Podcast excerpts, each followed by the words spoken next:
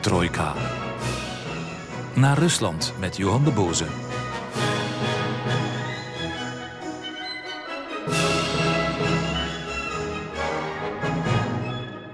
Laten we gaan naar het jaar 1825. Dat is een belangrijke datum, een cruciale datum in de geschiedenis van Rusland. Waarom? Omdat de tsaar overlijdt, Alexander I. Althans, men vermoedt dat hij overlijdt. Dat is niet helemaal zeker. Er zijn geruchten dat hij zich zou hebben teruggetrokken uit het publieke leven, dat hij ergens in een klooster zou zitten. Maar niemand verneemt nog iets van hem, niemand weet het precies. En natuurlijk, wat gebeurt er? Er is een gigantisch machtsvacuum.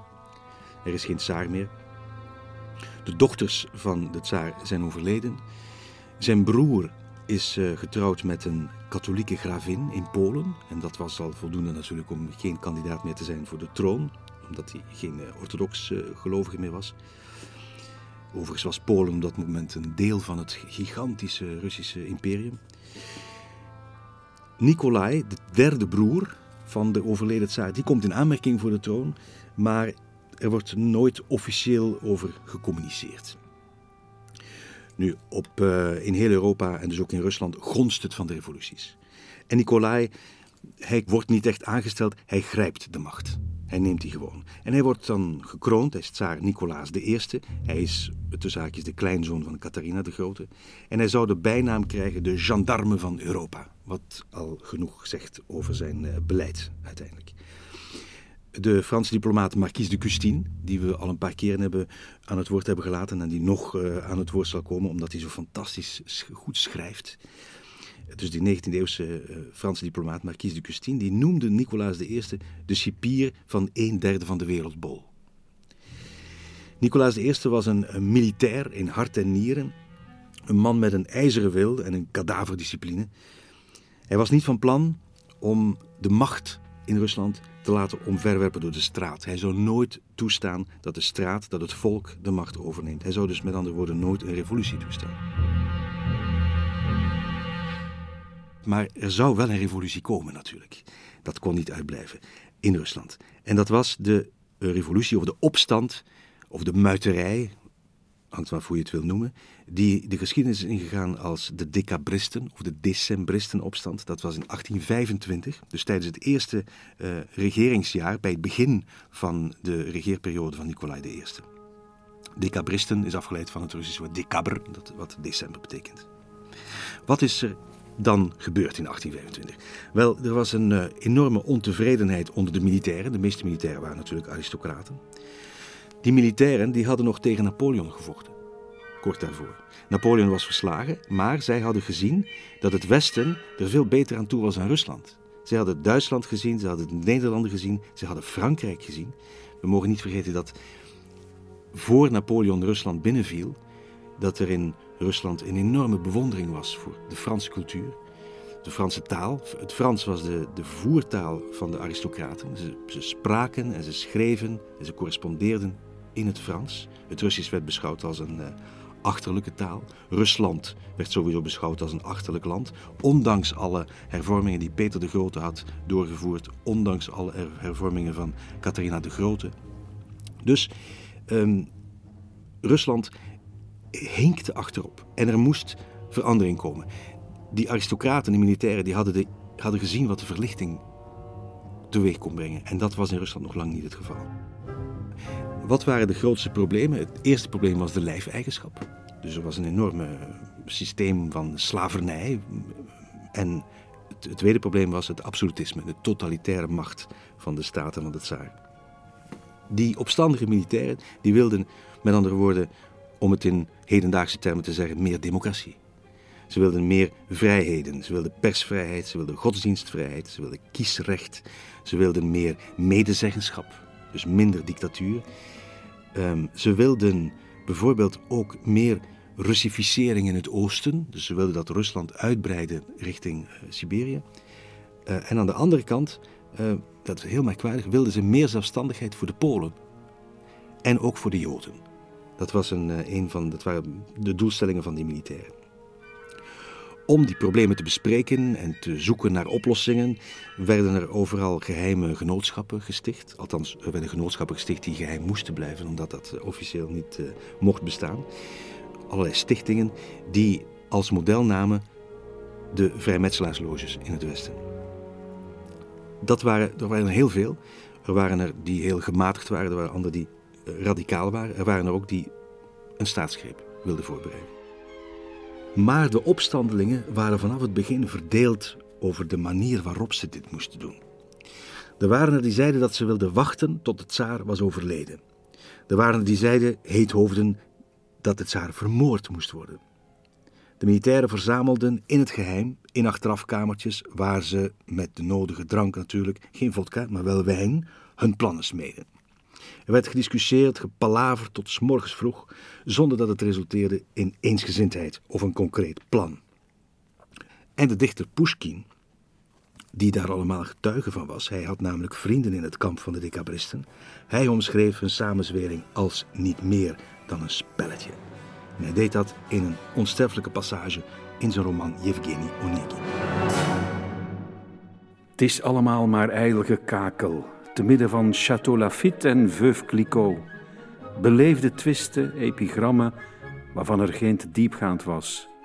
Deze oproerwetenschap was slechts de vrucht van verveling, van ledigheid. De streken van volwassen kwajongens.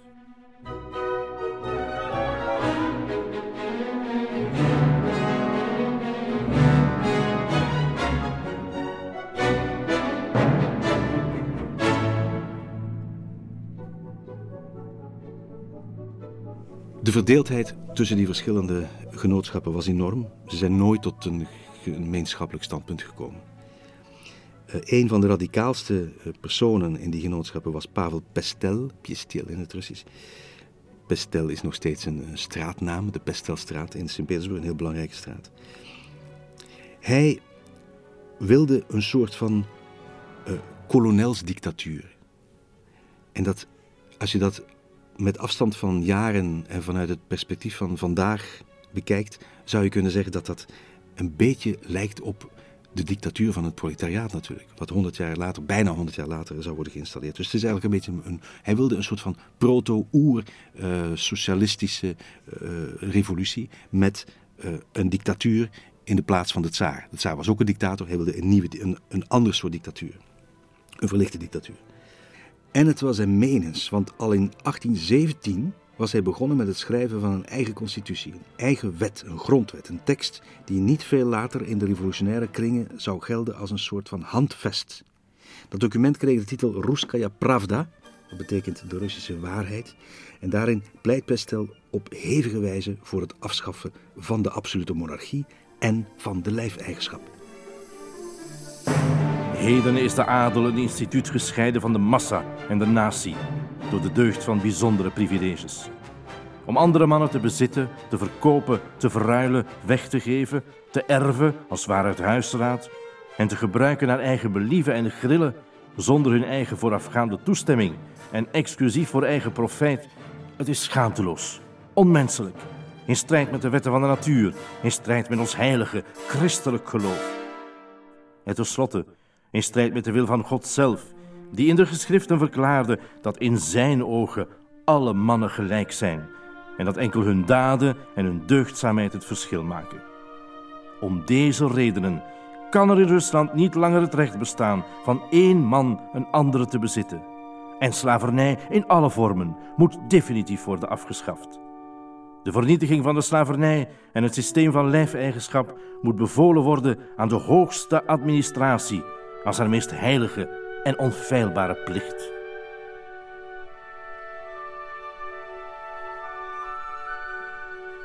De overheid en de tsaar die, die wist van die genootschappen, die was op de hoogte daarvan. En uh, er was een uh, heel uitgebreid uh, apparaat van politieke politie die overal uh, actief was en die die genootschappen op het spoor kwamen. Die genootschappen werden verboden, maar de leden ervan werden niet opgepakt. En je kunt je afvragen, waarom is dat zo? Ik denk dat, het, dat Nicolaas I, de tsaar die aan de, op dat moment aan de macht was, dat hij anderen moeilijk kon verwijten wat hij zelf had gedaan. Hij was zelf aan de macht gekomen met geweld. Zijn eigen vader was vermoord. En dat hij daar aandeel in had, in die moord, dat is vrijwel zeker. En dat wist iedereen. En hij was zelf aan de macht gekomen in een machtsvacuum. Op het moment dat de tsaar de, zijn, de, zijn voorganger verdwenen was en niemand wist waar die was. Hij had dus een soort van staatsgreep gepleegd. Dus hij kon moeilijk uh, andere uh, aristocraten verwijten wat hij zelf had gedaan. Er was nog meer aan de hand op dat moment. Er was het uh, intellectuele klimaat. En dat, daar moeten we een paar dingen over vertellen, want dat was heel belangrijk. Die aristocraten die militairen, dat waren geletterde mensen. Dat was niet zo van, voor het gros van de bevolking, maar die mensen die waren bezig met uh, literatuur ook, die schreven ook. Er waren ook schrijvers bij en dichters. Dus er was een, um, een algemene uh, mentaliteit uh, van de verlichting, waarin mensen boeken lazen en nadachten over wat er gebeurde. En die intelligentsia, die was verzuurd. Want um, tussen 1812 en 1824, dus laten we zeggen tussen uh, Napoleon en de decabristenopstand, maakte Rusland een identiteitscrisis door. Rusland wist niet meer precies waar het aan toe was, wat het betekende. En je kunt dat aflezen uit um, bijvoorbeeld brieven die intellectuelen aan elkaar schreven. Bijvoorbeeld, sommige van de intellectuelen waren bevriend met Pushkin, de, de grote dichter Pushkin. Als je die brieven bekijkt, dan. Ik citeer een aantal uh, brieven van bijvoorbeeld Piotr Tsardaev, dat was een vriend van Pushkin. En die, die schreef op een moment: Wat hebben wij Russen ooit uitgevonden of geschapen? Alles komt uit het buitenland. Uh, niets is van ons. Of hij schrijft: Rusland staat buiten de tijd. Rusland heeft geen verleden en geen toekomst. Dat is een vrij hopeloos beeld. Hij schrijft: Rusland is een cultureel vacuüm. Rusland is een spookland, een woestenij en de achterstand op het Westen is nooit meer in te halen. We hebben niets tot stand gebracht. Er is geen enkele tak van de wetenschap waarin wij iets eigens kunnen laten zien. Er is niemand die namens Rusland ooit iets heeft bijgedragen aan de beschaving van de wereld. Ik denk niet dat het klopt, omdat Rusland wel degelijk iets heeft bijgedragen aan de, aan de cultuur en aan de Europese geschiedenis maar op een ander vlak. En dat zal pas later duidelijk worden. Uh, ik denk op cultureel vlak, op religieus vlak.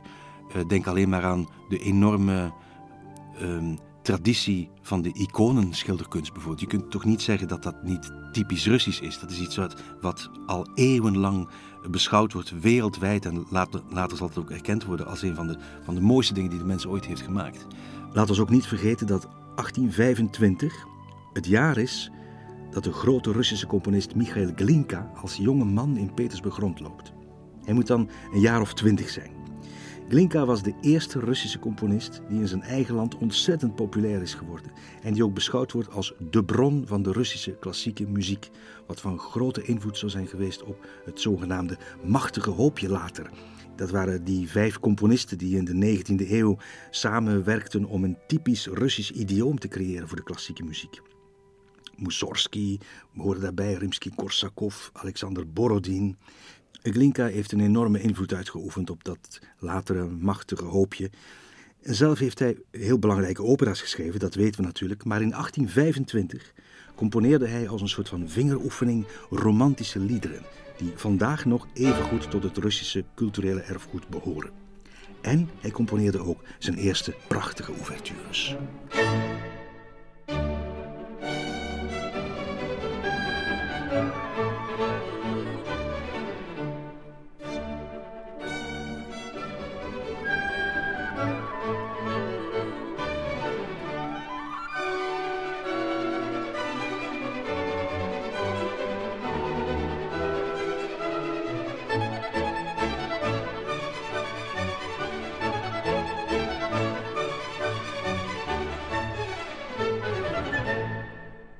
Marquise de Custine, die we al een paar keren hebben geciteerd, die uh, reisde in de 19e eeuw door Rusland, aanvankelijk met grote bewondering, maar langzamerhand gingen zijn ogen open en zag hij hoe Rusland er echt aan toe was. En hij heeft dat neergeschreven in zijn memoires.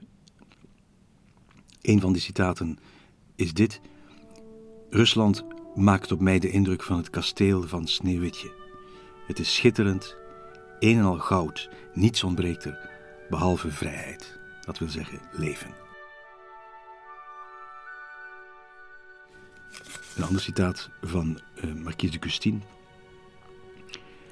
Als u aandachtig het diepste wezen van de zeden en de dingen onderzoekt, ontdekt u een wezenlijke barbaarsheid, nauwelijks verholen onder een weerzinwekkende overdaad. Ik verwijt de Russen niet dat ze zijn zoals ze zijn. Wat ik in hen veroordeel is de pretentie te willen schijnen wat wij zijn. Zij zijn nog onbeschaafd. Die toestand maakt het tenminste nog mogelijk te hopen. Maar ik zie dat zij voortdurend in beslag genomen worden door de wens andere volken na te apen. En zij apen na op de manier van apen, door wat zij nadoen bespottelijk te maken. Dan zeg ik bij mezelf, dat zijn mensen die verloren zijn voor de primitieve zaak en die de beschaving zijn misgelopen. En ik moet aan die snijdende uitspraak van Voltaire of Diderot denken: de Russen zijn rot voor ze rijp zijn. Het, het krankzinnige van zo'n tekst is dat hij toepasselijk is op heel veel hedendaagse situaties. Dit is geschreven in de eerste helft van de 19e eeuw. Dit zou kunnen toegepast worden op veel situaties vandaag nog. En dat is het, uh, het diep treurige eigenlijk. Ik heb nog een citaat van Custine. Weet u wat het wil zeggen in Rusland te reizen? Voor een lichtzinnig iemand betekent het dat hij zich met illusies voedt. Maar voor iedereen die zijn ogen de kost geeft en enig observatievermogen paart aan een onafhankelijke aard, is het onafgebroken, hardnekkig werken om bij iedere gelegenheid moeizaam twee naties te onderscheiden, die worstelen te midden van de grote menigte. Die twee naties, dat is Rusland zoals het is en Rusland zoals men zou willen dat Europa het ziet. Christine heeft die notities in zijn hoed verstopt toen hij terugkeerde naar, naar Frankrijk, want hij was diplomaat. En uh, als ze die teksten bij hem zouden hebben gevonden, als de politie, de douane of de grenspolitie die teksten in zijn bagage zou hebben gevonden, dan zou hij meteen uh, gearresteerd zijn of erger. Ze heeft ze meegesmokkeld in zijn hoed.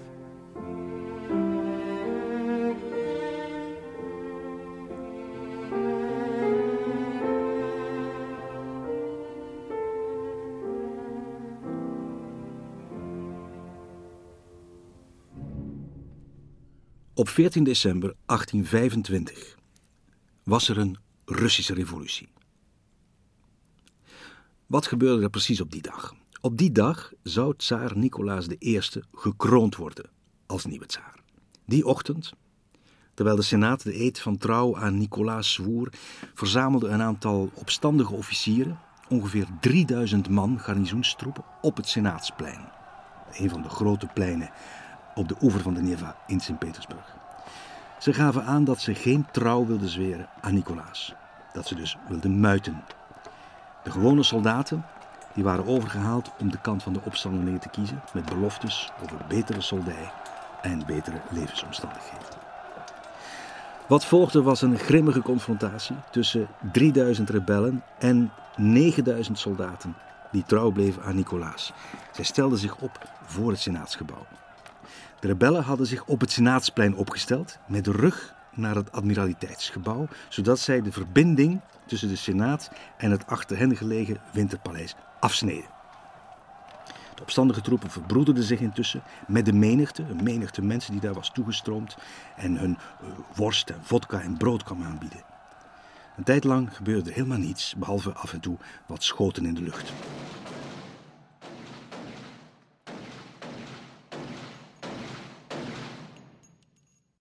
Tsaar Nicolaas verschijnt uiteindelijk zelf op het toneel. Hij was van plan om de eerste dag van zijn regering aan te vangen zonder bloedvergieten. En hij liet het vuur van de opstandelingen niet beantwoorden.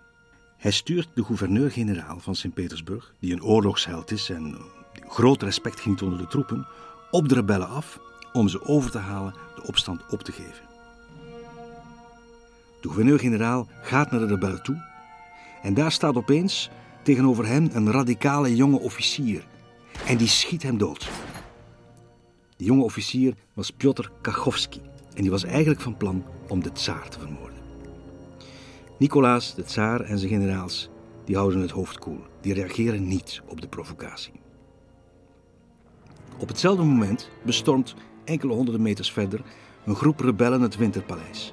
Maar ze slagen er niet in de poorten in te nemen. Nicolaas brengt het grootste deel van de dag door met vruchteloze pogingen om tot een vergelijk te komen met de rebellen. Maar Piotr Kachowski die een heet gebakerde jongen was, die schiet ook nog een tweede onderhandelaar neer.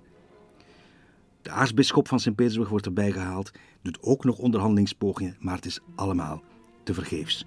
Zelfs de jongste broer van Nicolaas, groothertog Michail, komt erbij, maar alles mislukt. Ten slotte beveelt Nicolaas de cavalerie om een charge uit te voeren. Maar omdat de straatstenen glad zijn, bedekt zijn met sneeuw en ijs, glijden de paarden uit en de cavalerie wordt door de menigte uitgejouwd en uitgelachen. Nicolaas doet een laatste poging om zijn eerste regeringsdag zonder bloedvergieten af te sluiten. En hij stuurt een generaal naar de muiters toe met de boodschap dat als ze terugkeren naar hun kazernes ze vergiffenis zouden krijgen. Maar de generaal maakt zich snel uit de voeten, want ook hij wordt bekogeld. De opstandige menigte voelt zich sterkt en ze beginnen zelfs te schieten in de richting van Nicolaas. Wat moet Nicolaas doen? Uiteindelijk geeft hij het bevel om op de rebellen te schieten. Eerst enkele waarschuwingsschoten en dan resoluut op de menigte. En in een minimum van tijd verandert het plein in een grote chaos. Het rebellenleger valt uit elkaar en vlucht alle kanten op. Sommigen proberen zich te redden op de rivier, de bevroren Neva, en zich daar te hergroeperen, maar ook daar worden ze onder vuur genomen en vallen er talrijke slachtoffers. En omdat het kanonvuur het ijs breekt, vallen veel mensen ook nog in het ijskoude water. De opstand in Sint-Petersburg was aan het einde van de nacht afgelopen. Heel precieze cijfers zijn er niet, maar waarschijnlijk zijn er meer dan 100 mensen gesneuveld die dag. De politie duwde de doden en de gewonden door de gaten in het ijs.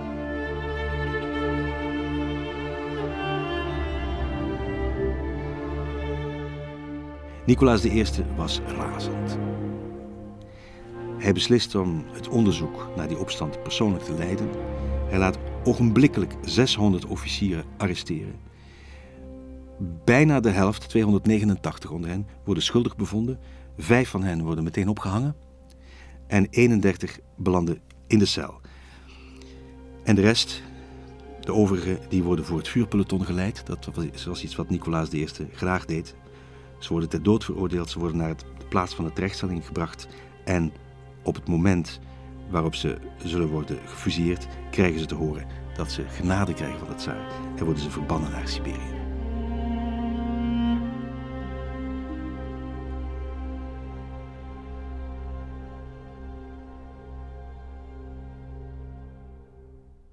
De bannelingen waren hoofdzakelijk hoge officieren in het leger, allemaal aristocraten, mannen van hoge afkomst, hertogen en graven.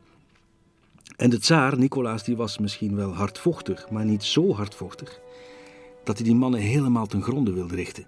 Noblesse oblige, zullen we het maar noemen. Het was schipperen tussen een gerechtvaardigde toorn en een vaderlijke vergeving. En hij vond die door een regel uit te vaardigen waarmee hij de opstandelingen de toestemming gaf om vooraf van hun echtgenotes te scheiden. Op die manier kregen ze de kans om hun bezittingen, hun landgoederen, alles wat ze bezaten, veilig te stellen en over te laten aan hun vrouw. De meeste vrouwen hadden geen keuze, ze moesten wel instemmen. Maar er waren ook vrouwen die niet wilden scheiden en die vrijwillig hun echtgenoten volgden naar het verschrikkelijke verbanningsoord in Siberië. En dat is een apart verhaal dat we nu moeten vertellen.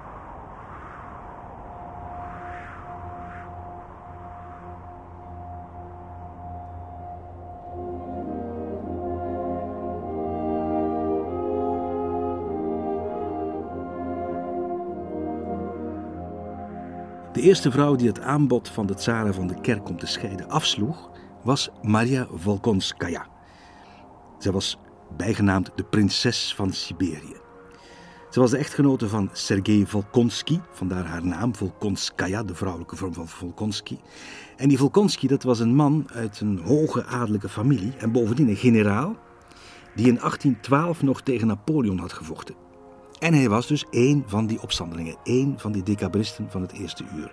En een vriend van Pestel, de man die met zijn manifest vorm en een concrete inhoud had gegeven aan de decabristenopstand. Interessant is ook dat een achterneef van Sergei Volkonsky Tolstoy was, de schrijver Tolstoy. Toen Tolstoy aan zijn grote roman Oorlog en Vrede begon, was hij eigenlijk van plan om een boek te schrijven over de oorzaken van de decabristenopstand tegen tsaar Nicolaas in 1825. Maar tijdens zijn studie, tijdens zijn research daarvoor, ging hij steeds verder terug in de tijd en meende hij zelfs de oorzaken van de decabristenopstand in de Franse inval in Rusland te moeten zoeken. Uiteindelijk week Tolstoy natuurlijk volledig af van zijn oorspronkelijke opzet, maar de figuur van Bolkonsky in zijn roman is duidelijk geïnspireerd door de decabrist Sergei Volkonsky. Volkonsky wordt verbannen naar Siberië en daar wordt hij heen en weer geslingerd tussen twee dingen. Aan de ene kant wil hij graag dat zijn vrouw naar hem toe komt in Siberië, dat ze samen kunnen zijn, maar hij wil haar dat niet aandoen. En aan de andere kant blijft hij erop aandringen om haar toch aan zijn zijde te hebben. Zijn verlangen is te groot. En na nog geen maand in het strafkamp schrijft hij een brief aan haar met de volgende woorden: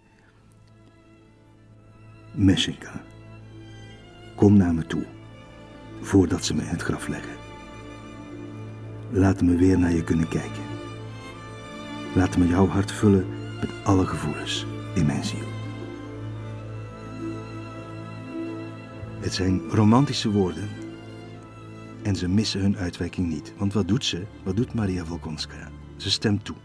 Tegen ieders verwachtingen in kiest ze ervoor om zich bij haar man in Siberië te voegen. Het is een beslissing die iedereen met verstomming slaat. Het is een beslissing die gezien wordt als een revolutionaire daad, een daad van heldhaftigheid en die ook bewondering opwekt. Want dat was het ook.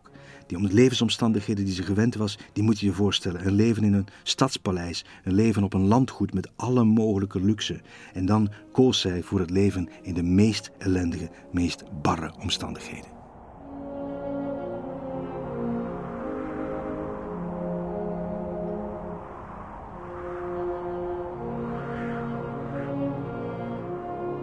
De omstandigheden waren bijzonder tragisch in Siberië, maar daar kwam dan nog bij dat het tsaar de vrouwen verbood, uitdrukkelijk verbood, om haar kinderen mee te nemen. En de kinderen die ze daarbij nog in Siberië zou krijgen, zouden bovendien het recht niet hebben op een adellijke titel. Het moet een verscheurende keuze zijn geweest. Zeker voor Maria Volkonskaya, die op dat moment al een zoontje had. Vlak voor haar vertrek in december 1826 schrijft ze een brief aan haar man in Siberië, die perfect haar gemoedsgesteldheid weergeeft. Mijn lief, nu kan ik je vertellen dat ik heel wat te verduren heb gehad om doel te bereiken. Maar nu vertrek ik en zal ik alles, alles vergeten. Zonder jou ben ik als het ware levensloos. Alleen mijn verplichtingen tegenover onze zoon konden mij ertoe brengen om gescheiden van jou te leven.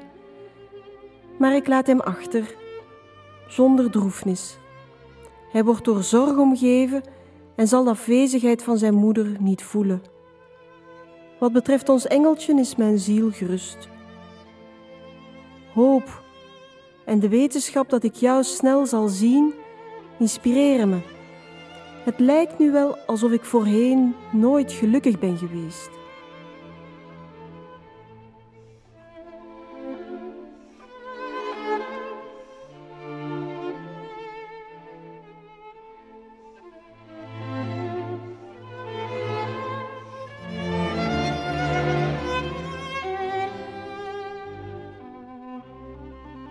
Gedrag van Maria Volkonskaya heeft ondertussen wel tal van andere decabristenvrouwen geïnspireerd om precies hetzelfde te doen. Alles achter te laten en naar hun mannen toe te gaan in Siberië. En door dat te doen vestigen ze natuurlijk de aandacht op het lot van de bannelingen, op het onrechtvaardige lot en hun overtuigingen, hun ideeën, hun rebelse ideeën. Dat had kwaad bloed gezet bij de tsaar. Hij had zich iets anders daarbij voorgesteld. Het doel van de verbanning was juist de vergetelheid. Ze moesten vergeten worden, uit het oog, uit het hart. En wat kreeg hij? Precies het omgekeerde. Hij zou op een bepaald moment zelfs gezegd hebben, dit tsaar, dat hij de decabristenvrouwen meer vreesde dan de decabristen zelf. Je zou kunnen zeggen dat het martelaren waren geworden van het regime. En wat merkwaardig is, dat is dat het beeld van een martelaarschap al tot stand kwam nog voordat de meerderheid van die bannelingen in Siberië was aangekomen. Daar heeft onze vriend Pushkin weer wat mee te maken. Aan de vooravond van Maria's definitieve vertrek uit Moskou las Pushkin zijn beroemde gedicht Boodschap aan Siberië voor aan een gezelschap van Maria's vrienden in een van de meest fameuze literaire salons van die tijd. In dat gedicht bewondert hij Maria Volkonskaya omwille van haar trots en haar vastberadenheid. En hij wil haar natuurlijk ook een hart onder de riem steken. Er is nog hoop, zegt hij. De smart is de vaste zuster van de hoop. De strijd is met andere woorden nog niet helemaal gestreden. Of sterker nog, hij moest in feite nog beginnen.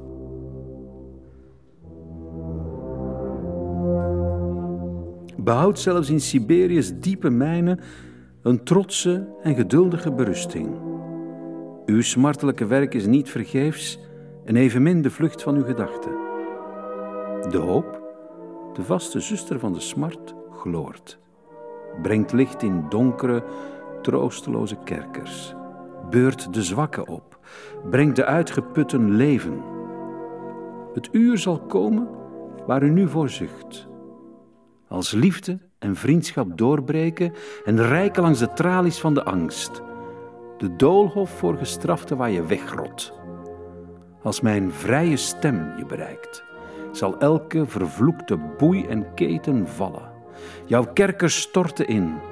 Buiten wacht het feestelijke wonder van de vrijheid, wanneer jouw makkers je weer zwaarde geven.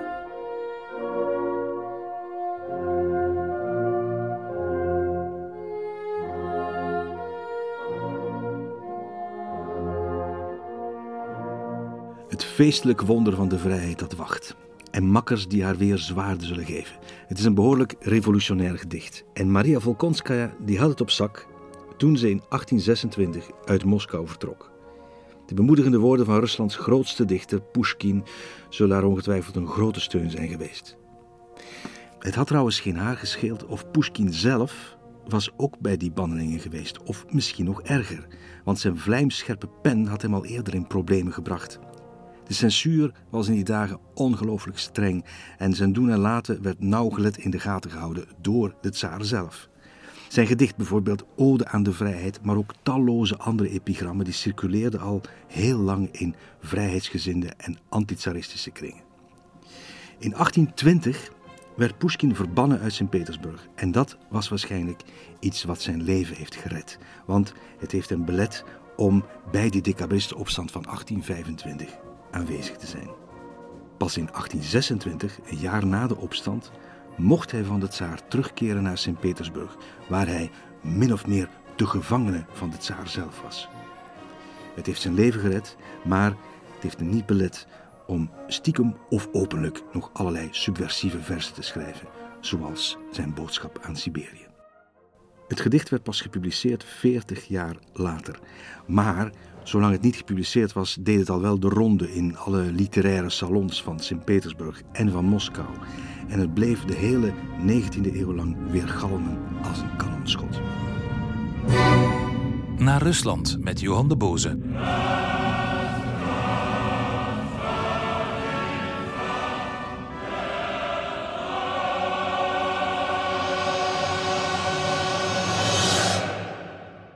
In Irkutsk, dat is een van de, de grote steden eh, langs de Trans-Siberië Express, een stad in Siberië.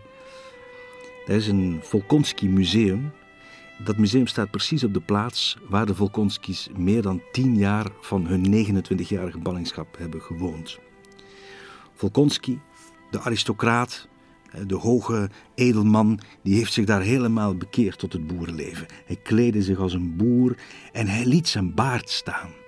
En dat was in die tijd heel ongewoon voor mannen van zijn stand. Want baarden, dat was iets voor boeren en arbeiders. Bovendien heeft hij daar in Siberië helemaal in zijn eentje een soort van landbouwinstituut opgezet. Hij liet boeken en zaad van nieuwe landbouwrassen opsturen uit het Europese Rusland. Hij deelde zijn kennis met andere boeren die van hein en ver naar hem toe kwamen voor zijn advies.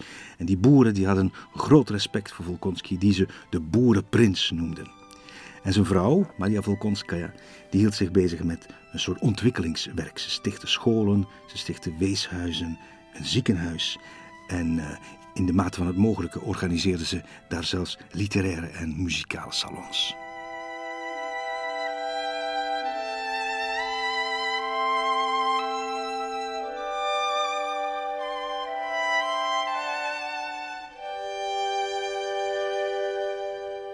Toen tsaar Nicolaas I stierf in 1855, heeft zijn opvolger Alexander II de decabristen gratie verleend. Van de 121 verbannen decabristen waren er toen nog 50 in leven, onder wie Volkonski. Hij en zijn vrouw Maria keren terug naar Moskou. En dat is een moment dat Tolstoy beschreven heeft in een van zijn verhalen.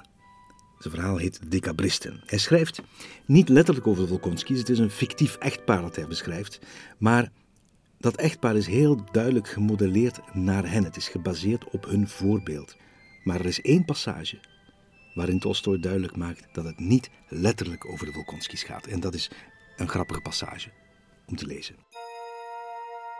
Hoe graag ik mijn lezers ook onze held van de decemberrevolte zou willen voorstellen als boven alle zwakheden verheven, moet ik toch omwille van de waarheid erkennen dat Piotr Ivanovich zich bijzonder zorgvuldig schoor, kamde en in de spiegel bekeek. Over de kleren die men in Siberië niet al te best had genaaid, was hij ontevreden. En een paar maal knoopte hij zijn rokjasje nu eens los en dan weer vast. Het is duidelijk niet Volkonski. Waarom is het niet Volkonski? Volkonski had namelijk wel een baard.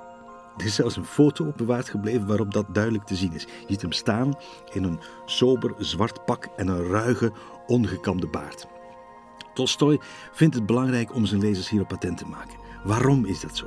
Dat is een apart verhaal. Want het dragen van een baard was een gewoonte die tijdens het bewind van Peter de Grote in adellijke kringen verboden was. Peter de Grote die wou namelijk in zijn pogingen om Rusland westers te maken het uiterlijk van de Russische man compleet veranderen. Alles moest naar westers model. De baard die stond als een soort van heilig symbool van de orthodoxie en die was opeens vogelvrij verklaard door Peter de Grote. Om het goede voorbeeld te geven, schoor hij eigenhandig de baarden af van alle mannen die in het hof werkten. De mannen die onder Peter werkten kregen de bevoegdheid om iedere persoon die ze tegenkwamen met een baard onmiddellijk op dat moment een scheerbeurt te geven. En hoewel de Russen de tsaar verafschuwden voor het invoeren van deze verplichting, waren ze tegelijk veel te bang om zich er tegen te verzetten. Er was namelijk kans dat als je baard liet staan, deze op een verschrikkelijk pijnlijke manier zou worden uitgetrokken. De enige klasse die was uitgesloten van die verplichting tot afscheren van de baard, dat waren de boeren en de arbeiders.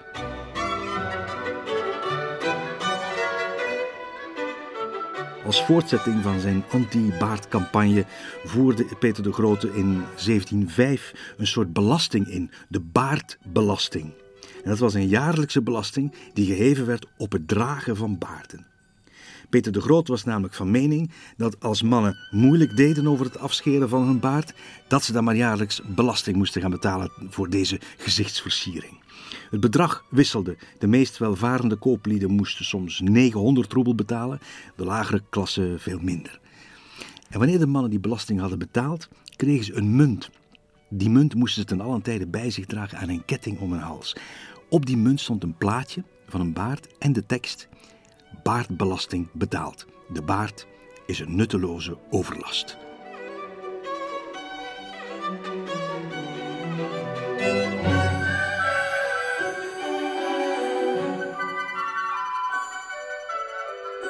Ja, honderd jaar later, ten tijde van Volkonski, was die wet natuurlijk al lang vergeten. Maar de gewoonte niet. Mannen van hoge afkomst die droegen geen baarden. je kunt je voorstellen hoe men reageerde op uh, Sergei Volkonski met zijn lange, warrige baard toen die in de chique salons van uh, de steden van Moskou en Sint-Petersburg verscheen. Wat voor consternatie dat teweegbracht. Maar voor Sergei Volkonski was het een statement. Het was een vorm van protest tegen het regime want hij had twintig jaar onder de boeren geleefd. Hij was zelf een boer geworden en daar was hij trots op. En bovendien waren die Volkonskis graag geziene gasten in de salons van Moskou, waar Sergei Volkonsky werd geadoreerd door jonge studenten als een soort van Christusfiguur.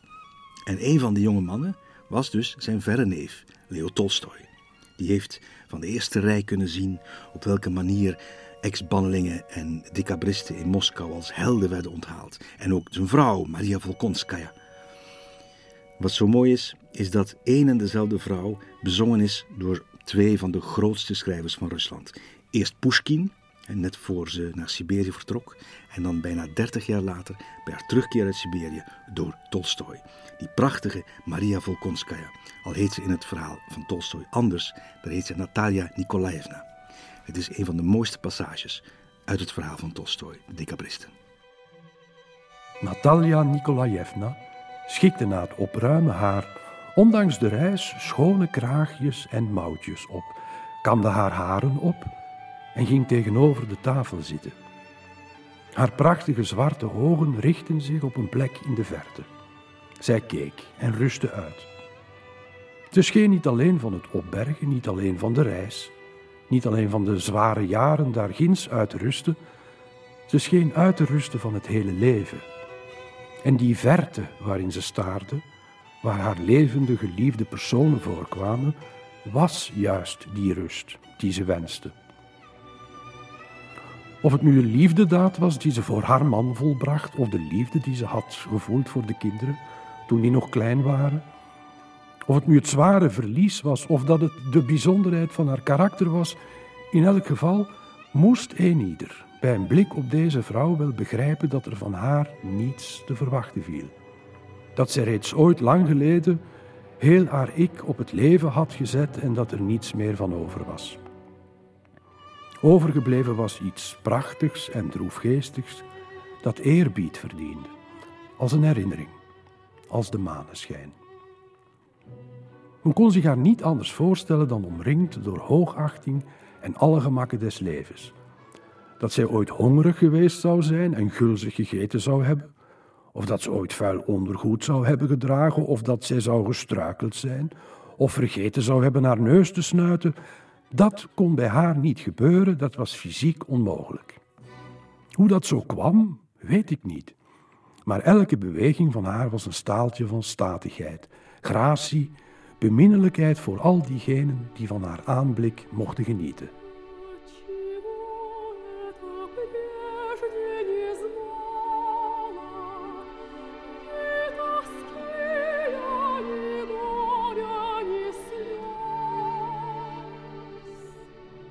Het Moskou en Sint-Petersburg, de grote steden waarin die teruggekeerde ballingen terechtkomen na een ballingschap, na een lange ballingschap in Siberië, is natuurlijk een compleet ander Moskou of Sint-Petersburg dan wat ze twintig jaar geleden hebben moeten verlaten.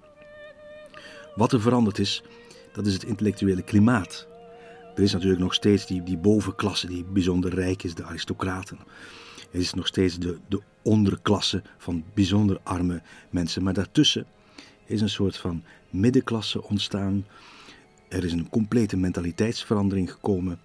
Het ambtenarensysteem is compleet uh, uitgebouwd, compleet veranderd. En er ontstaat een groep mensen die de geschiedenis is ingegaan als de intelligentsia.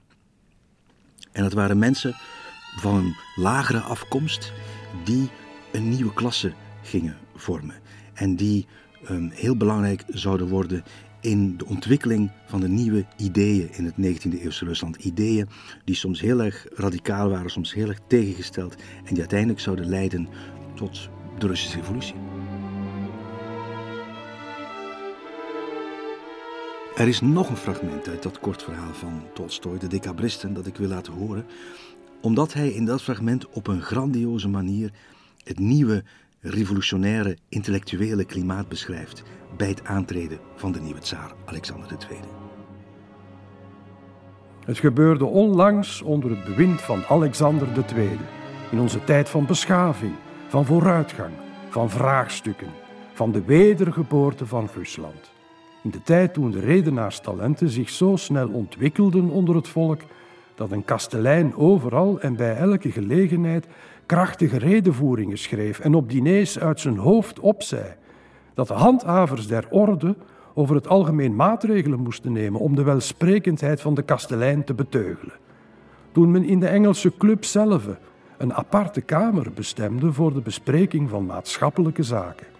In de tijd toen de een na de ander de plejaden van schrijvers-filosofen opkwamen, die aantoonden dat de wetenschap nationaal was en dat ze niet nationaal was, en plejaden van schrijvers-kunstenaars die een bossage beschreven en de opkomst van de zon en het onweer en de liefde van een Russische maagd en de luiheid van een zekere ambtenaar en het wangedrag van vele ambtenaren, in de tijd toen van alle kanten de vraagstukken rezen, toen het vraagstuk rees van de kadettenscholen, van de universiteiten, van de censuur, van de mondelinge rechtspleging, van de financiën, van de banken, van de politie, van de emancipatie en van vele andere zaken.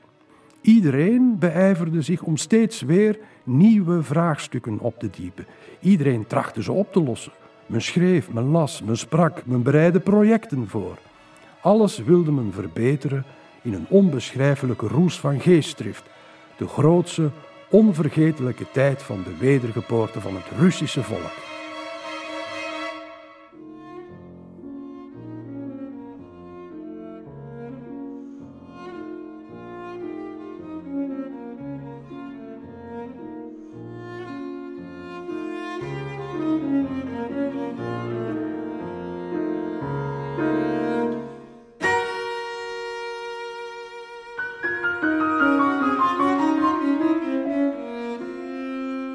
Half 19e eeuw is Rusland een puinhoop. Economisch gezien, militair, sociaal, cultureel.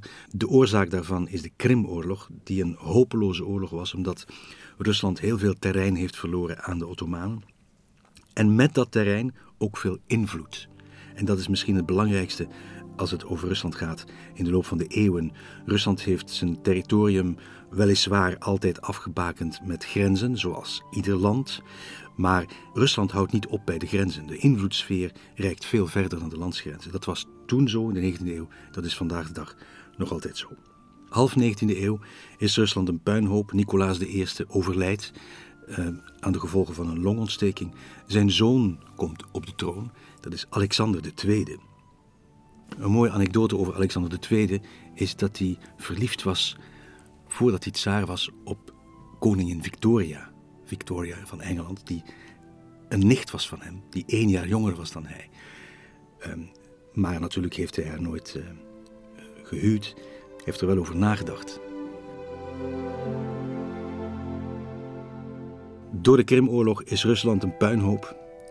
En die nederlaag van Rusland, die vernederende positie, die dwingt de tsaar, de nieuwe tsaar, Alexander II, tot hervormingen. En eindelijk wordt een belangrijk probleem in Rusland aangepakt. Wat de vorige tsaren niet wilden of niet durfden, doet Alexander II. Hij pakt de lijfeigenschap aan. Een van de grootste problemen van Rusland. De lijfeigenschap, daar had men een dubbel gevoel bij. Aan de ene kant was het een werkzame vorm van een sociale organisatie. En aan de andere kant bezorgde het Rusland een heel slechte reputatie. En Russen zijn altijd heel gevoelig geweest voor, voor hoe men hen zag.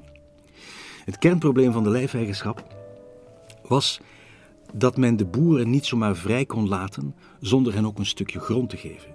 Maar men wilde de grond van de adel niet zomaar herverdelen. Dat was het een van de grote, uh, eenvoudige problemen, maar wel heel belangrijke problemen. Economisch gezien ging het ook slecht met de lijfeigenschap. Er was veel te weinig productiviteit, want de lijfeigenen waren absoluut niet gemotiveerd om te werken. Er werd geen ehm, mechanisering doorgevoerd in de landbouw, zoals dat in het Westen wel, aan het gebeuren was. Omdat ongeveer 30 miljoen mensen daarvan leefden, 30 miljoen lijfeigenen. De oplossing was dat de lijfeigenen toestemming kregen om als vrije burgers aan de kost te komen in de landbouw of in fabrieken. De tsaar Alexander II die had als argument: het is beter om de lijfeigenschap van bovenaf af te schaffen dan te wachten totdat de lijfeigenschap zichzelf van onderaf afschafte. Alexander II had veel aanhang met zijn ideeën. Hij werd zelfs de bevrijder van Rusland genoemd, maar hij had natuurlijk ook veel tegenstand. En in 1861, midden in de carnavalstijd, in februari, publiceerde hij een manifest. En dat manifest heette, had een lange titel, dat heette Manifest over de allergenadigste schenking aan de lijfeigen van het recht te leven als vrije dorpelingen. Dat was de titel van een manifest op 17 februari 1861. Een tekst van maar liefst 400 pagina's. En dat was dus de tekst waarmee officieel in Rusland de lijfeigenschap definitief en voor altijd werd afgeschaft. Betekende concreet dat de voormalige lijfeigenen dat die op papier althans, alle rechten en vrijheden kregen. Het betekende dat de landbouwgrond, gigantische gronden, dat die verdeeld werden. Dus toch, waarvoor het tsaren bang voor waren, dat gebeurde nu. Men herverdeelde de gronden. Daar werden bemiddelaars aangesteld om dat vreedzaam te laten verlopen, die herverdeling. En een mooie anekdote is dat uh, een van die bemiddelaars Leo Tolstoy zou zijn, de schrijver. De beroemde schrijver van Oorlog en Vrede en Anna Karenina. Hij was een van de, van de rechtvaardigste bemiddelaars, maar er waren er ook anderen. Er waren er die ervoor zorgden dat de adel, de aristocraten, zoveel mogelijk grond kregen en de bevrijde slaven zo weinig mogelijk. Tolstoy was iemand die partij koos voor de boeren, voor het volk. En die dus voor zorgde dat, dat zij veel grond kregen.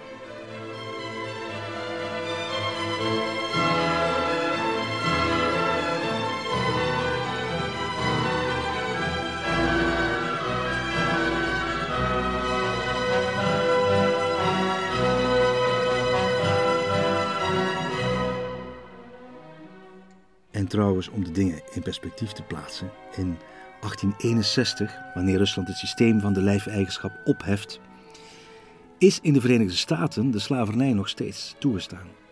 Het zou pas twee jaar later zijn, in 1863, dat Abraham Lincoln zijn eigen emancipatieproclamatie tekende, waardoor 6 miljoen zwarte slaven hun vrijheid herkregen. En dat is voor een stuk te danken aan Rusland. In 1861 namelijk loopt er in Sint-Petersburg een Amerikaanse gezant rond. Amerika en Rusland waren toen partners. Anders dan nu had Amerika Rusland gesteund tijdens de Krimoorlog, dus ze waren partners.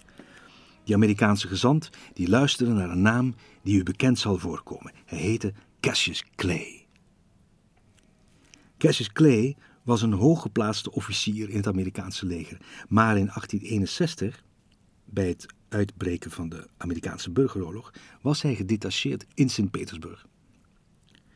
Een jaar later roept Lincoln hem terug uit Rusland, want de burgeroorlog woedt volop en het is alle hens aan dek. Maar wat doet Cassius Clay? Hij weigert. Hij weigert terug te keren naar Amerika, nadat hij gezien had wat Alexander II had gedaan voor de emancipatie van de Russische lijfeigenen. En hij stelt zijn voorwaarden. Hij wil enkel terug wanneer Lincoln ermee instemt om de slavernij ook in Amerika af te schaffen. En zo geschiedde het ook. De chantage van Cassius Clay zal wel niet doorslaggevend geweest zijn, maar het is een niet onbelangrijke anekdote.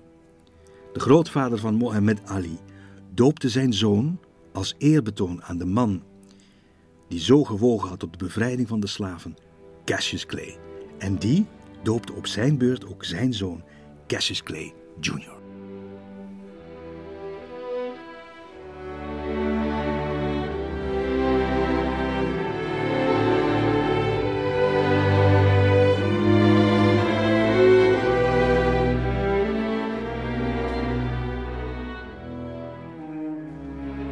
Terug naar het Rusland van de jaren 60 in de 19e eeuw.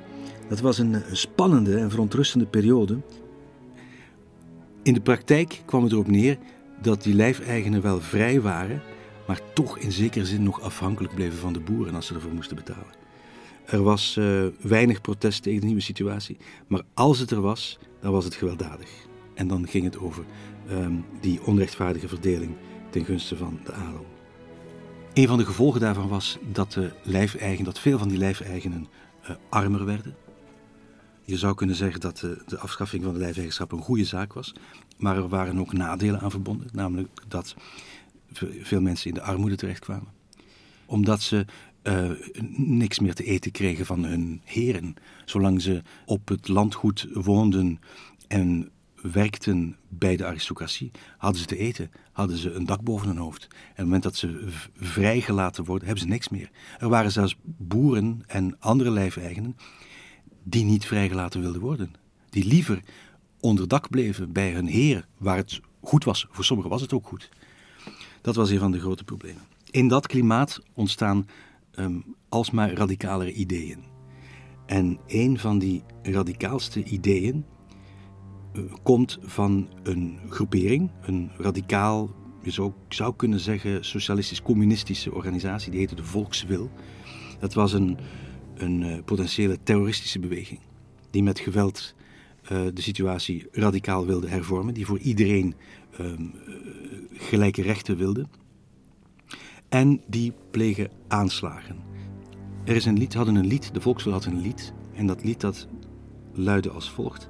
Huil niet om de lijken van je kameraden, die vielen met een wapen in de hand. Loop zonder angst over hun lichamen en draag de standaard verder. Onder het banier van ideeën moeten we strijden. Wij moeten de dodelijke strijd leveren tot het bittere einde. Dat was hun strijdlied. ze pleegden aanslagen. Uh, na elke aanslag zorgde de staat en de, tsaar, de nieuwe tsaar Alexander II voor hervormingen om, om verdere aanslagen te voorkomen. Maar er waren weer nieuwe aanslagen. Hervormingen werden weer teruggeschroefd. Dus het was een voortdurend spel van geweld, hervormingen en uh, reactie. Een van die hervormingen was een juridische hervorming, namelijk geen straf zonder wet. Dat was een moderne Europese rechtspraak. Dat bestond nog niet in Rusland. Dat lijkt krankzinnig, maar dat was er nog niet.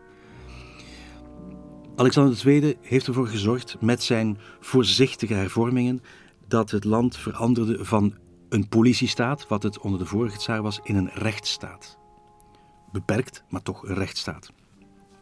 In het onderwijs heeft hij ervoor gezorgd dat er minder analfabetisme was. Dat de mensen konden leren lezen en schrijven. Er werden kweekscholen opgericht. Er werden meisjesscholen opgericht, ook voor voortgezet onderwijs. Dat bestond allemaal niet. Er werden verschillende soorten gymnasia opgericht. De universiteiten stonden open voor vrouwen. Ehm, er waren zelfs studenten die de toestemming kregen om in het buitenland te gaan studeren. Waardoor buitenlandse ideeën ook eh, naar Rusland gebracht werden. Het was een spannende en verontrustende periode waarin bijvoorbeeld ook heel veel nieuwe kranten verschenen. Ja, al die nieuwe ideeën hadden een forum nodig en men moest ze ook kunnen verspreiden. Maar daar was niet iedereen zo mee opgezet. De belangrijkste adviseur van de tsaar bijvoorbeeld, Alexander Baryatinsky, die schreef... Ik heb nooit veel opgehad met schrijvers in het algemeen. Ik ben helaas tot de conclusie gekomen dat deze categorie mensen verborgen motieven en gevaarlijke vooroordelen heeft.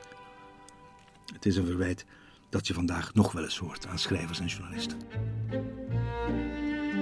En niet onbelangrijk voor zo'n machtig land als Rusland. Het leger werd verkleind, maar versterkt. Er waren minder mensen. De dienstplicht werd teruggebracht. U kunt het bijna niet voorstellen.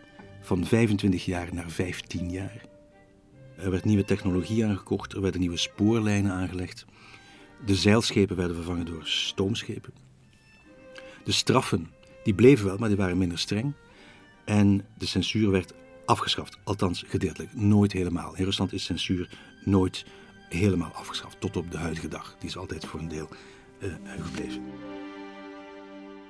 En de muziek in die jaren, wat gebeurde er op muzikaal vlak? Nog niet zoveel. Maar in 1859 was wel de bekende Russische pianist Anton Rubinstein, niet te verwarren met Arthur Rubinstein, na een grandioze tournee die vier jaar had geduurd en langs alle grote concertzalen van Europa, die was teruggekeerd naar Sint-Petersburg. Hij had voor Liszt gespeeld, voor Chopin, hij was bevriend met Mendelssohn en Schumann, hij had alles bereikt wat enigszins mogelijk was. En nu had hij het plan opgevat om een eigen conservatorium op te richten. En dat kwam er ook, drie jaar later, het eerste muziekconservatorium van Sint-Petersburg. Hij zou er later zelfs nog lesgeven aan Tchaikovsky. En in 1864 componeerde hij daar dit schitterende pianoconcerto.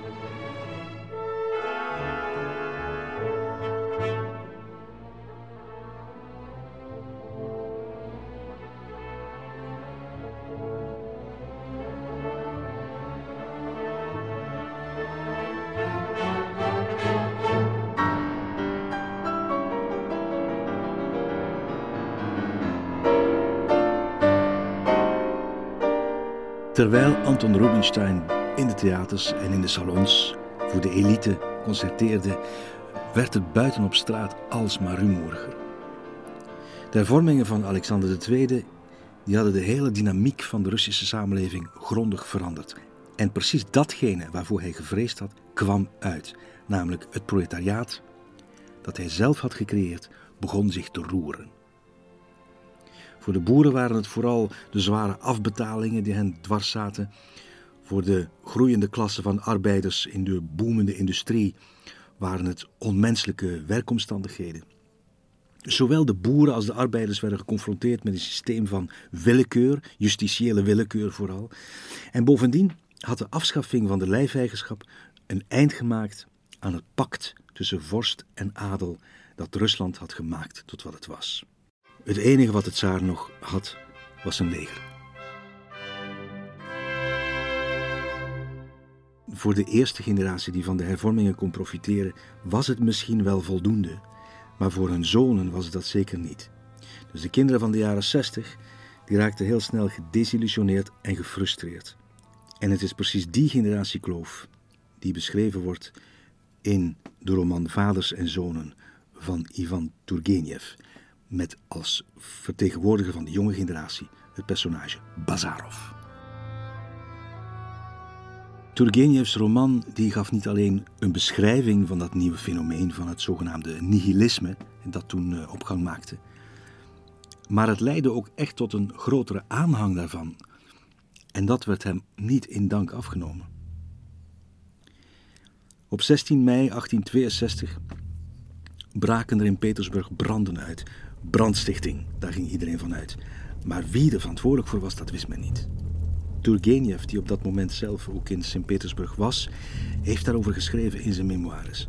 Hij schrok van het effect dat zijn roman gesorteerd had. Een heel ander effect dan hij voor ogen had bij het schrijven ervan. Ik wil niet uitweiden over de indruk die deze roman op het publiek gemaakt heeft. Ik wil slechts opmerken dat het woord nihilist, toen ik weer in Petersburg was, en net op de dag van de bekende brand in het Abraxim-paleis, al bij duizenden in de mond bestorven lag. En de eerste uitroep van de eerste, de beste kennis van me, die ik op de Nevsky Prospect tegenkwam, luidde: Ziet u nu wat uw nihilisten uitspoken? Ze steken heel Petersburg in brand. De indrukken die ik toen onderging waren verschillend van aard, maar allemaal even benauwend.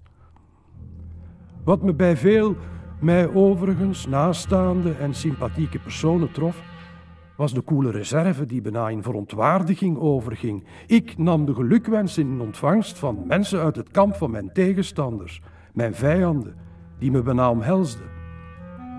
Dit bracht me totaal van mijn stuk. Ik werd er treurig onder, maar had geen gewetensvroeging. Ik wist te goed dat mijn relatie tot het door mij gelanceerde type eerlijk en oprecht was. Niet alleen zonder vooroordelen, maar zelfs met een zekere sympathie voor hem.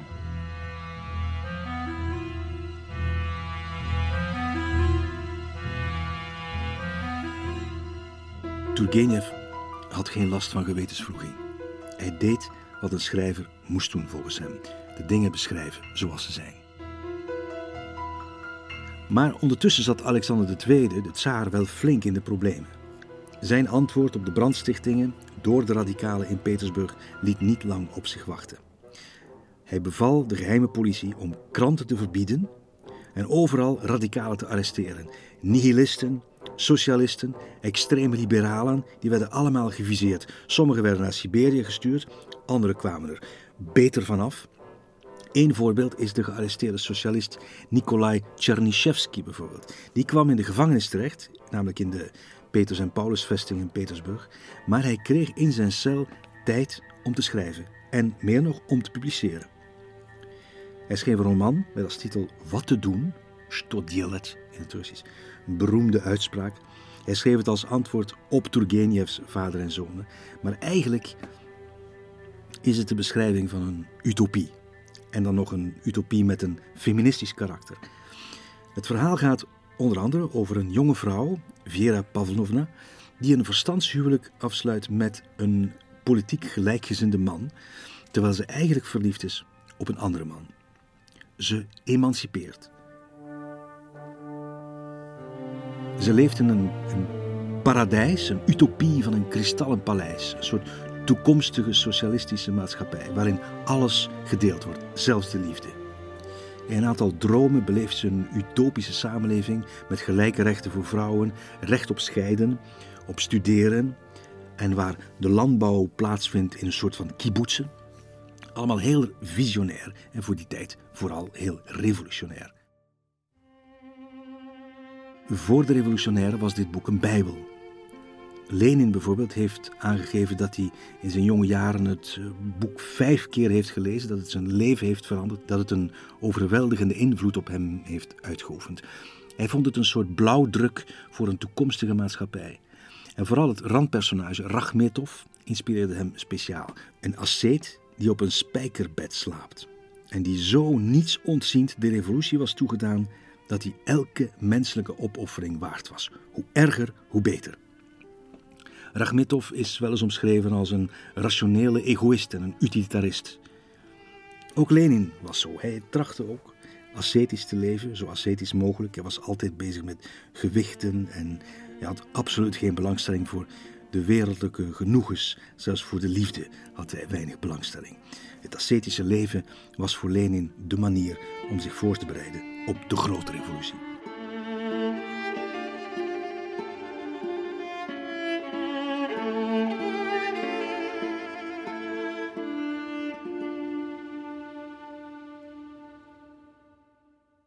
Misschien is het niet overdreven om te zeggen dat dat boek van Nikolai Chernyshevsky, die roman Wat te doen, meer nog dan het kapitaal van Marx voor die dynamiek, die emotionele dynamiek heeft gezorgd die uiteindelijk leidde tot de Russische revolutie. Of misschien ook wel de beroemde ouverture 1812 van Tchaikovsky, hoe vreemd dat ook mag klinken. Die ouverture van 1812 van Tchaikovsky was natuurlijk het product van het Russische tsaristische nationalisme, gecomponeerd in 1880 als herinnering aan de heldhaftige overwinning van de Russen op Napoleon. Een ode aan de tsaar, een ode aan de natie, de Russische staat. Maar kort na de voltooiing van de ouverture gaf ze aanleiding tot een heel nieuwe opvatting, een nieuwe manier van denken. Nooit eerder was het nationalistische gevoel van de Russen zo sterk geweest als in die jaren. Het stond bijna onder hoogspanning. En die ouverture van Tchaikovsky die deed daar nog een schepje bovenop. Het versterkte nog het nationalistische identiteitsgevoel. Het leidde ertoe dat er meer en meer burgers kritisch werden voor het tsaristische regime. Het effect is natuurlijk moeilijk te meten, maar het is geloofwaardig. Ik weet niet of de vergelijking opgaat, maar misschien zou het wel kunnen. Heb ik ergens gelezen dat de Platters uiteindelijk meer hebben betekend voor de emancipatie van de zwarte bevolking in de Verenigde Staten dan Martin Luther King. Als dat waar is, heeft Tchaikovsky misschien ook meer betekend dan Marx.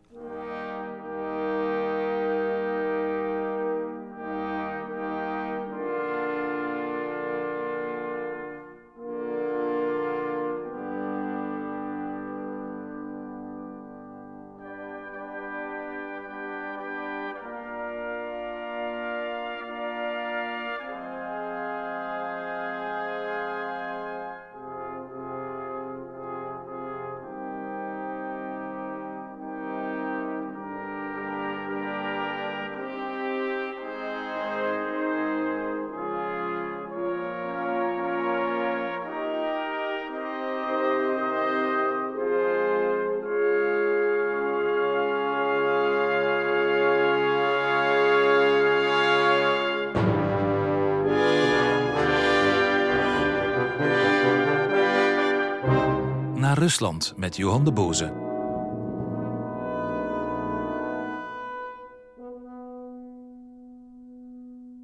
Ja, het aanwakkeren van nationalistische gevoelens. Als Tchaikovsky het niet kon, wie dan wel? Het Russisch nationalisme was in de 19e eeuw iets heel complex. Het had heel veel verschillende gezichten. Voor tsaar Alexander II, die er alles aan deed om het aan te wakkeren, kwam het als een soort van boemerang terug in zijn gezicht. Er waren opeens groepen nationalisten die in hun ideeën lijnrecht tegenover elkaar stonden. Sommigen waren gematigd en westersgezind, en anderen sloten zich aan bij een sterke fundamentalistische, nationalistische, romantische stroming. En dat waren, die twee stromingen hadden ook een naam. De westersgezinden, dat waren de Westerlingen. En de romantische nationalisten, dat waren de Slavofielen. Zij die eigenlijk uh, streefden naar uh, een, de heerschappij van de Slavische ziel. En zo werd een fundamentele kloof geboren in Rusland tussen links en rechts. In het rechtse kamp had je bijvoorbeeld de filosoof Konstantin Leontiev, die niet toevallig door Poetin wel eens geciteerd wordt. Leontiev bepleitte een alliantie tussen de islam en de orthodoxie tegen de kiemen van de liberale ontbinding die door het Westen verspreid werden. Hij kantte zich daarom ook tegen elke oorlog tussen de Russen en de Ottomanen op de Balkan. De vijand voor hem, dat waren vooral de Angelsaksische machten. Wie nog aan de rechterkant zat, dat was Dostoevsky, de schrijver Fyodor Mikhailovich Dostoevsky. Hij was een felle tegenstander van de liberalisering van het Westen en dus heel tsaargezind. Nochtans was hij in de late jaren 40 zelf verzeild geraakt in revolutionaire kringen en was hij daarvoor verbannen naar een strafkamp in Siberië. Maar na zijn Siberische jaren ontpopte Dostoevsky zich tot een reactionair die alle heil zag in een despotisch patriarchaat van de tsaar. Het Russische volk moest volgens Dostoevsky de welwillende gaven van de tsaar leidzaam afwachten. En als er één ding was waarvoor hij een heilige schrik had, dan waren het de revolutionaire volksopruiers, de radicaal linkse populisten.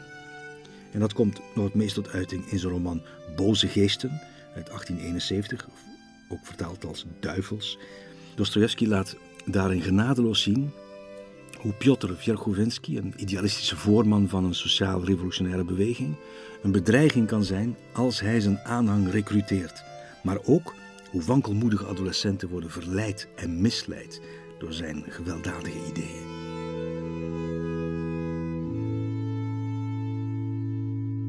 Het doel dat hij voor ogen heeft is heilig. De bestaande politieke orde moet omver worden geworpen. Dat doel heiligt alle middelen. Sociale onrust aanwakkeren, onvrede onder het volk gebruiken om de eigen macht te vergroten en leugens rondstrooien. Alles kan een middel zijn om een hoger, groter doel te bereiken. En daarom rust er op moord en doodslag bijvoorbeeld geen taboe. Je zou kunnen zeggen dat boze geesten of duivels of demonen, dat dat de eerste roman is die het terrorisme als onderwerp heeft.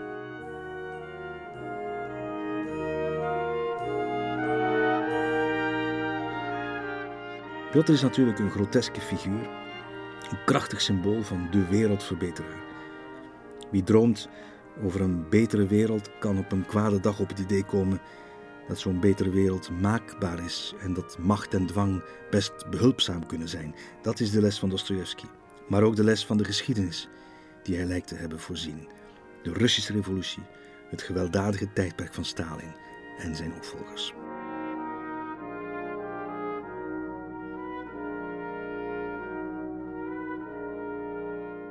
Laat ik vandaag afsluiten met nog een stukje Dostoevsky.